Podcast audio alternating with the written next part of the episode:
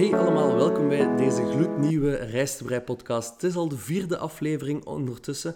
We zijn al een aantal weken bezig met de Rijstebrei podcast en ik vind het gewoon leuk om af en toe iemand bij mij te gast te hebben in de podcast. En ook vandaag is er iemand bij komen zitten en dat is Natasha vandaag. Hey Natasha, alles oké? Hey, ja hoor, alles oké. Oké, jij bent vandaag eh, bij mij te gast omdat ik het met jou even wil hebben over een job die jij toch wel even gedaan hebt. En eh, ik wil er gewoon alles over te weten komen. Ja, goed. Vraag maar. Ja, jij bent eh, stewardess geweest. Inderdaad. Ja, ik wil er eigenlijk vandaag alles over te weten komen. Ook eh, de volgers op Instagram die wouden ook een heel aantal dingen weten van jou. Dus eh, ik ga het vandaag allemaal op jou afvuren. En jij mag ons echt alles vertellen wat wij erover willen weten. En wat je er natuurlijk ook zelf over kwijt wilt. Dus eh, ja, ik hou me al vast en ik ben al, eh, nu al super benieuwd eh, wat je ons allemaal gaat vertellen in deze podcast. Hoe ben je op het idee gekomen om eigenlijk stewardess te worden? Ja, dat was eigenlijk wel een zot idee. Ehm, ik had eigenlijk vliegangst Mhm. en ik had echt wel heel veel schrik om te vliegen. Maar toch op een of andere manier was ik altijd heel hard gefascineerd door vliegtuigen. Ja. Als ik zo met de auto eh, voorbij Zaventem reed en zo en ik zag de vliegtuigen opstijgen, ja, dan moest ik altijd kijken door mijn, eh, door mijn venster en zo. Dus ja, op die manier dat, je- vond ik zo vliegtuigen altijd heel inspirerend. En dan Ja. dacht ik op een ogenblik, waarom ga ik gewoon eens zoals stewardess, allee, Mhm. als- als stewardess gaan werken? Dus het was eigenlijk een, een verdoken kinderdroom een beetje, die dan toch wel realiteit is geworden.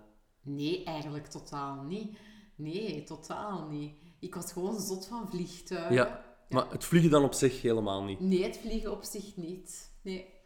En op de een of andere manier ben ik daar gewoon ingerold. Bizar. Ja. Bizar, maar heel interessant. Ja. Ja. Het is zo, sommige mensen die hebben, die hebben van in het begin een hele grote fascinatie voor een, voor een job. En die zeggen al van kind af aan van ik wil dat gewoon doen. En bij jou is het gewoon op latere leeftijd gekomen dan. Ja. Alleen de fascinatie voor vliegtuigen die is er altijd al geweest. Oké. Ehm, ja, op, hoe oud was je toen je begonnen bent met, met vliegen? Eh, kunt je dat zeggen? Of, eh, of wilt je dat niet zeggen? Dat kan ook. Dat is niet Eh, erg. Ik denk dat ik 26 was. Ja. Ongeveer. Dus 26 en Ja. ja, je had een job hier, hier in België. ja. Wat was je hier aan het doen? Ik was hier leerkracht eh, op die moment. En ineens beslist je, nu ga ik stewardess worden. Ja, in het midden van het schooljaar, in de maand maart, Oké. heb ik gezegd tegen mijn directie: Ik hou het voor bekeken, ik ga vliegen. Ja, de wijde wereld in, Ja, letterlijk. ik ga even mijn droom najagen. Oké. En dan, ehm, je gaat solliciteren, je Ja. mocht beginnen aan een opleiding. En hoe gaat het dan in zijn werk? Ehm, dat is eigenlijk een redelijke zware opleiding, Mhm. vier weken ongeveer, eh, dat je elke dag les hebt Ja. Ehm, en elke dag heb je examen. Op die examens moet je elke dag 80% halen, minimum, anders eh, mag je niet mee deelnemen aan het grote examen. Hm. En dan achteraf heb je dan een groot examen, daar moet je ook 80% op halen.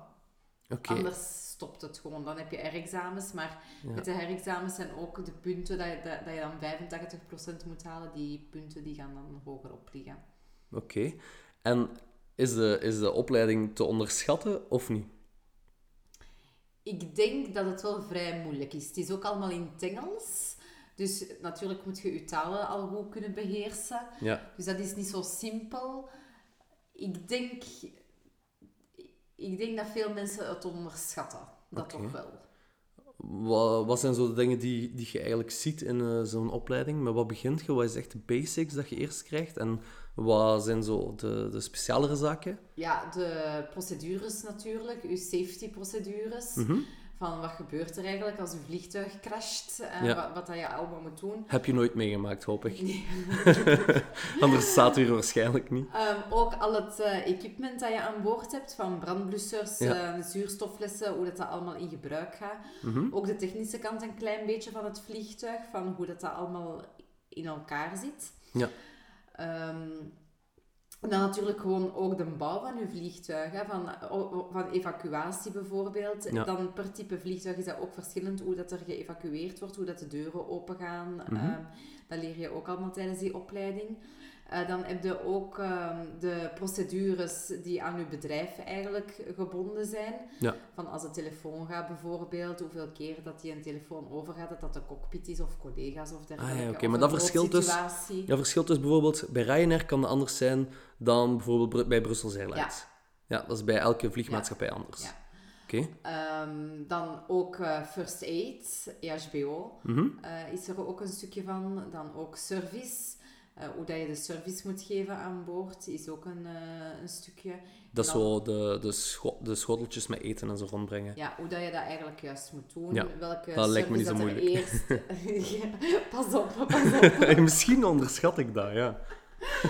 Ehm, daar zijn ook allemaal regeltjes eh, aan verbonden. Ja. Van wat moet er eerst, wat moet er daarna en Mhm. dergelijke. Dus dat wordt dan ook allemaal geoefend natuurlijk. Ehm, en dan ook communicatiecursus is er ook. CRM. Ja? Ja, En wat is dat juist? Want ja. communiceren met de passagiers of... eh, Ja, en met cockpit en dergelijke. Dus eh Ja. zit er ook bij. En dan is er ook nog een, ehm, een stukje ook dat je moet evacuatie gaan oefenen in een, in een vliegtuig in Charleroi. mhm. En dan kan je daar gaan, echt gaan evacueren. Daar is echt een slide getrokken. En dan kan je daar echt Ah, gaan oefenen van, om een vliegtuig te evacueren en ook om branden te blussen in je vliegtuig. Ja. Dus dat is echt... Zitten er dan zo figuranten of zo bij? Of is dat gewoon echt met iedereen die in opleidingen zit? Ja, of dat hoe is iedereen die in opleiding is en dat is gewoon een rollenspel. Dan. Ah, oké. Ja, super cool. Dat, echt- dat lijkt mij wel het leukste stuk van de opleiding, of niet? Ik vond dat zelf een beetje stresserend. Ja. Ja, ik, ik denk dat wel. Dat dat zo echt zo... Je wilt ook niet falen hè, na zo'n Nee, opleiding. voilà, je wilt dat goed doen. En zeker omdat dat over belangrijke dingen toch wel gaan. Ah, Als je brand aan boord hebt, Ja. zou het echt nooit willen meemaken. Mhm. Of een vliegtuig moeten evacueren, zou ik ook, ook nooit willen meemaken. Dus dan wil je het toch wel hebben tijdens die opleiding, dat je dat echt wel perfect doet. Hè. Ja, ja, sowieso. Oké. En, en heb je het gevoel gehad dat je heel veel van die opleiding dan ook concreet in je job hebt kunnen gebruiken? Als in eh, bepaalde situaties, bijvoorbeeld ja, first aid of zo.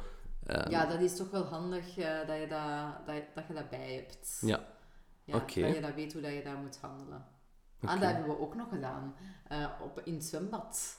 Als, eh, als je zou eh, crashen in Mhm. de zee, dat je dan weet van wat dat je dan moet doen hè, op, Ah, in ja. het water. Daarvoor hebben we ook nog een eh, opleiding gehad. Het is wel zo dat je eigenlijk meer kans hebt om in de zee te crashen dan op het land, denk ik. Ja, dat valt te zien welke vluchten dat je doet. Hè. Als je gewoon over ja. Europa vliegt, eh Ja, dat tegen land, vaak, eh, ja. dan dat je zee hebt. En eigenlijk, vanaf de opleiding is afgerond, komt natuurlijk de dag dat je je stewardess-uniform krijgt en dat je je eerste vlucht gaat doen. Hoe, Ja. hoe voelt je je bij je eerste vlucht? Eh, Ja, eerst heb je een aantal ehm, testvluchten, om het zo te zeggen, dat je Mhm. echt leert. Hè. Dus eerst heb je een observatievlucht, dan ga je eens meekijken hoe dat eigenlijk allemaal in zijn werk gaat, het Ja. vliegen. En dan heb je trainingsvluchten. En dan moet je elke keer meer en meer doen. En je chef de cabine, eh, die maakt dan een evaluatie van u. En dan Ja. op het einde van, eh, ik dacht dat het vijf trainingsvluchten waren of zo, eh, dan moet je echt je eh, final flight doen. En dan, eh, ja, dan, dan word je gelost eigenlijk. En dan vanaf dan mogen je zelfstandig gaan vliegen. Oké. Ja, klinkt me super cool. En hoeveel tijd zat er dan tussen de eerste dag van jouw opleiding en de dag dat je zelfstandig je vluchten mocht? Ik Hosten? denk, ik denk tussen een maand, een maand en een half of zo. Oh, dat gaat eigenlijk wel vrij snel. ik dacht echt dat het een lange Nee, nee, opleiding het was. gaat vrij snel. Wauw, oké. Ehm, ja, en dan begon je eigenlijk aan de job. En wat voor vluchten deed je dan?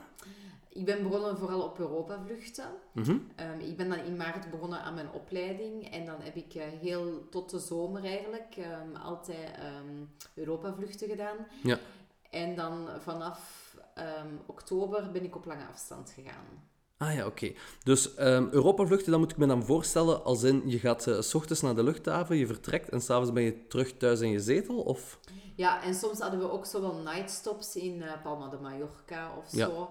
Ehm, of Agadir of Casablanca. Zaten Mhm. we zo, zo, soms zo eventjes. Of Parijs hadden we ook een paar stops. Dus dat, is wel, dat was wel fijn natuurlijk.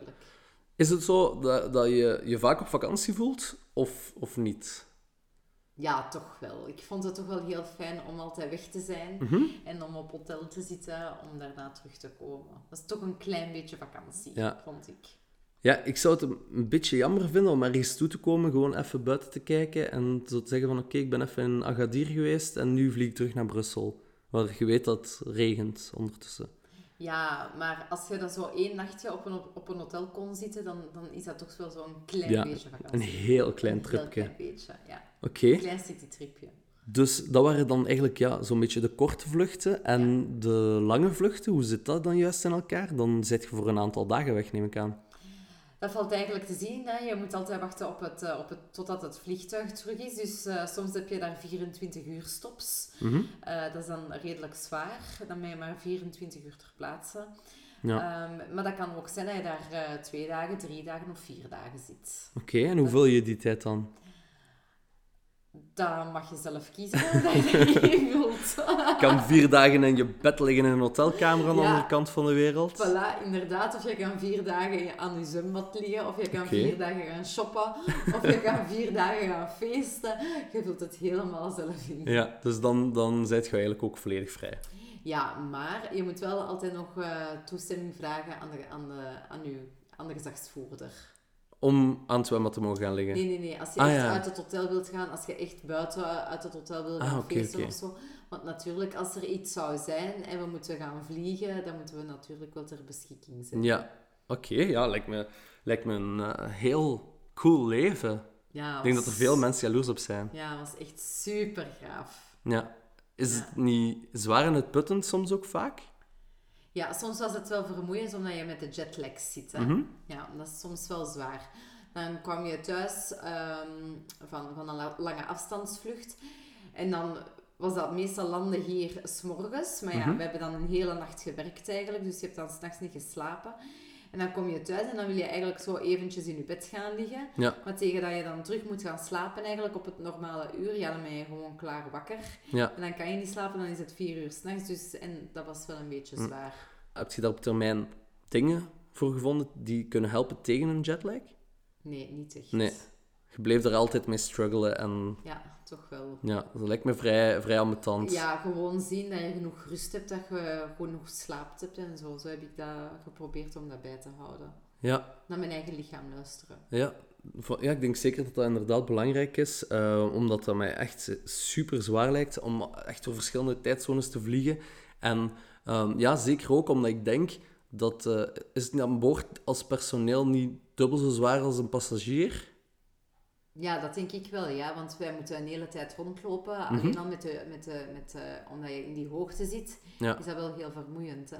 Ja, Ehm, ik kan mij ook voorstellen, eh, wat ik mij ook altijd afvraag eigenlijk, ehm, als ik eh, op zo'n lange vlucht zit, wat eigenlijk het personeel in tussentijd doet als iedereen ligt te slapen of eh, je hebt een nachtvlucht. En ik vraag me dat echt af, want Soms is het gewoon de service voorbereiden al, waar Mhm. we al eventjes aan bezig zijn. En dan sowieso moeten we om het half uur, het uur, moeten we langs gaan met een service toch wel. Een drankenservice of chipjes of zo eh, aanbieden. ja. Dus terwijl dat jij misschien ligt te slapen, zijn wij er langs geweest met ons karretje. Ja, maar echt, eh, mijn laatste vlucht eh, trouwens, was ergens een vlucht van Vietnam of zo, was ik zo hard aan het slapen dat ik eigenlijk gewoon het eten had gemist. En ja, dat is wel jammer. En natuurlijk ook qua safety moeten we om de zoveel tijd wel toiletten en zo en dergelijke checken. Dat er Ja. niemand op het toilet aan het roken is of, of zo. Oké. Gebeurt dat soms? Ja, dat gebeurt soms. En wat gebeurt er dan? Ja. Zijn, er, zijn er dan dingen, wordt die, eh, de deur gaat niet open en die mens wordt er niet uitgegooid, veronderstel ik, maar... Ja, dat is, dat is moeilijk. Hè. De, maar de commandant, de gezagsvoerder, die wordt dan wel ingelicht. Ja? En dan kan En er wel dan- een sanctie aan volgen. Ah.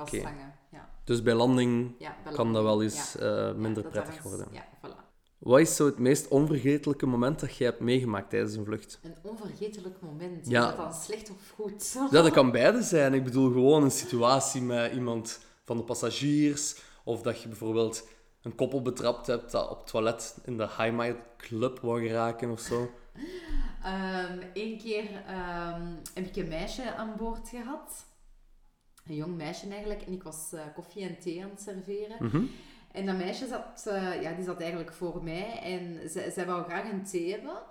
En ik zeg nog tegen dat meisje en tegen de mama dat ernaast zit van pas op, hè, want de thee is warm. Hè, want die tafeltjes natuurlijk, als je, daar aan, als je dat omhoog heeft, dan klapt die thee natuurlijk Ja, ja. en dan raak je verbrand. En ik zeg het nog van wees voorzichtig hè, met, die, met die thee, want dat is warm.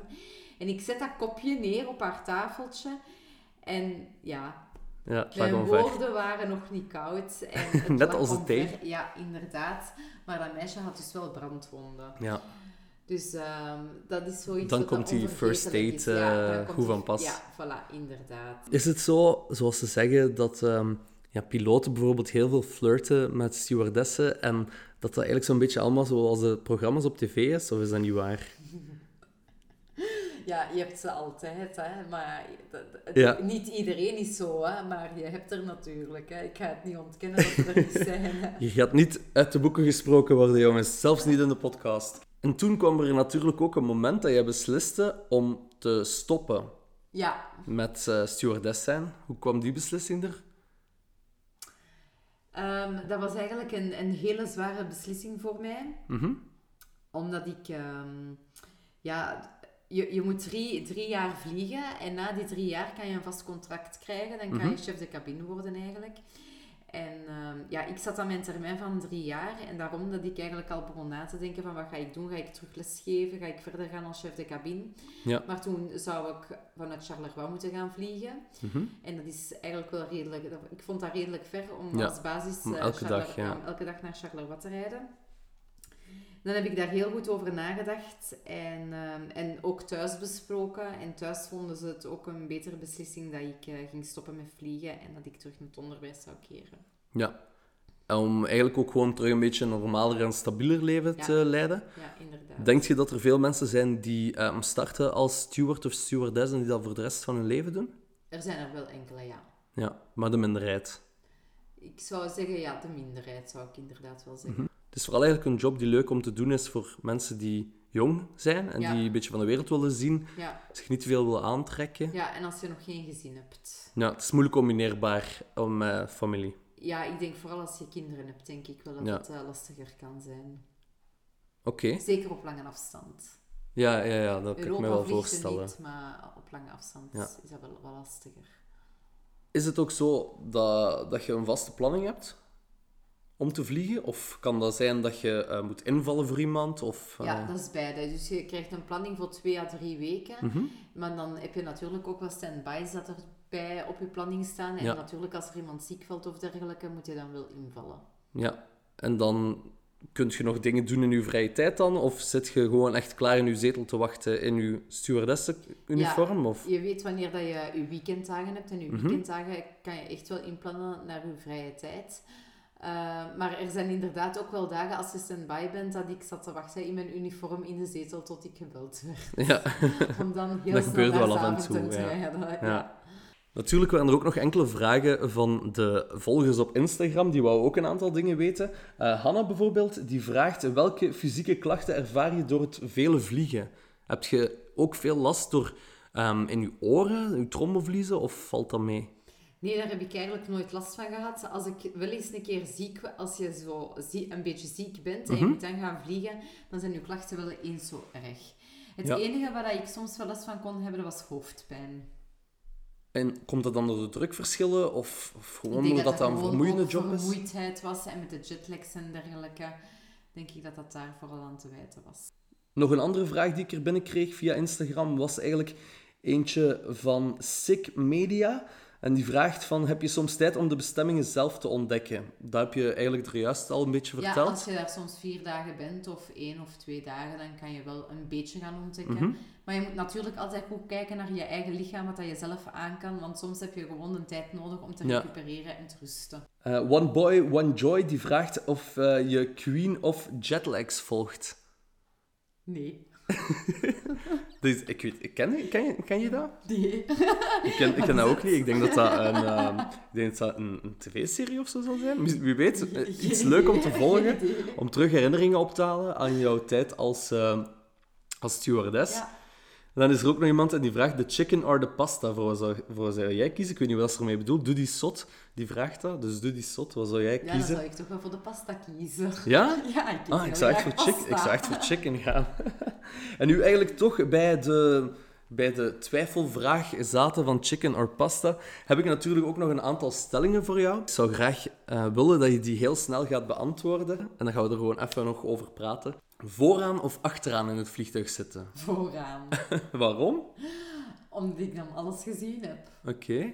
Ja. En eh, ja, is dat, is dat ook omdat je dan sneller van de grond gaat en... Nee? Nee, ik zie gewoon graag alles. Alles wat de cabinecrew aan boord toe, heb ik allemaal graag gezien. Van die herbruikbare vliesdekentjes over jou leggen of een, zelf een extra sweater meenemen op een vlucht? Toch een vliesdekentje.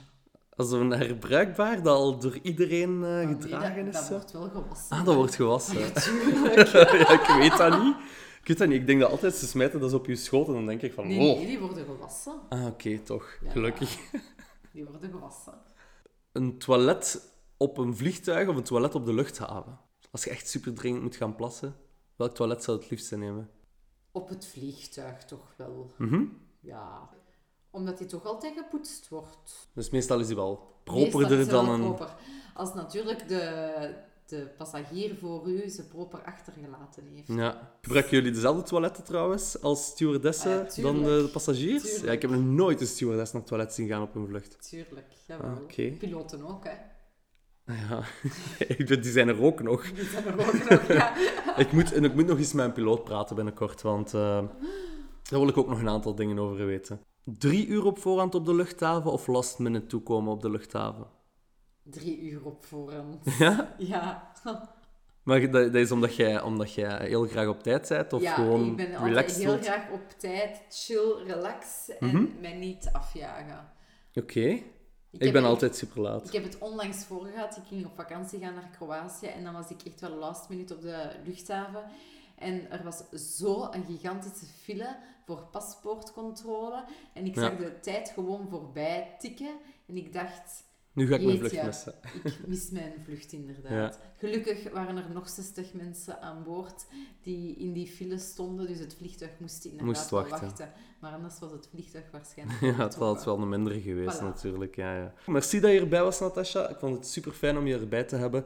En eh, dan zijn we nu ook aan het einde gekomen van deze podcast. Bedankt om te luisteren en tot volgende week. Bye bye.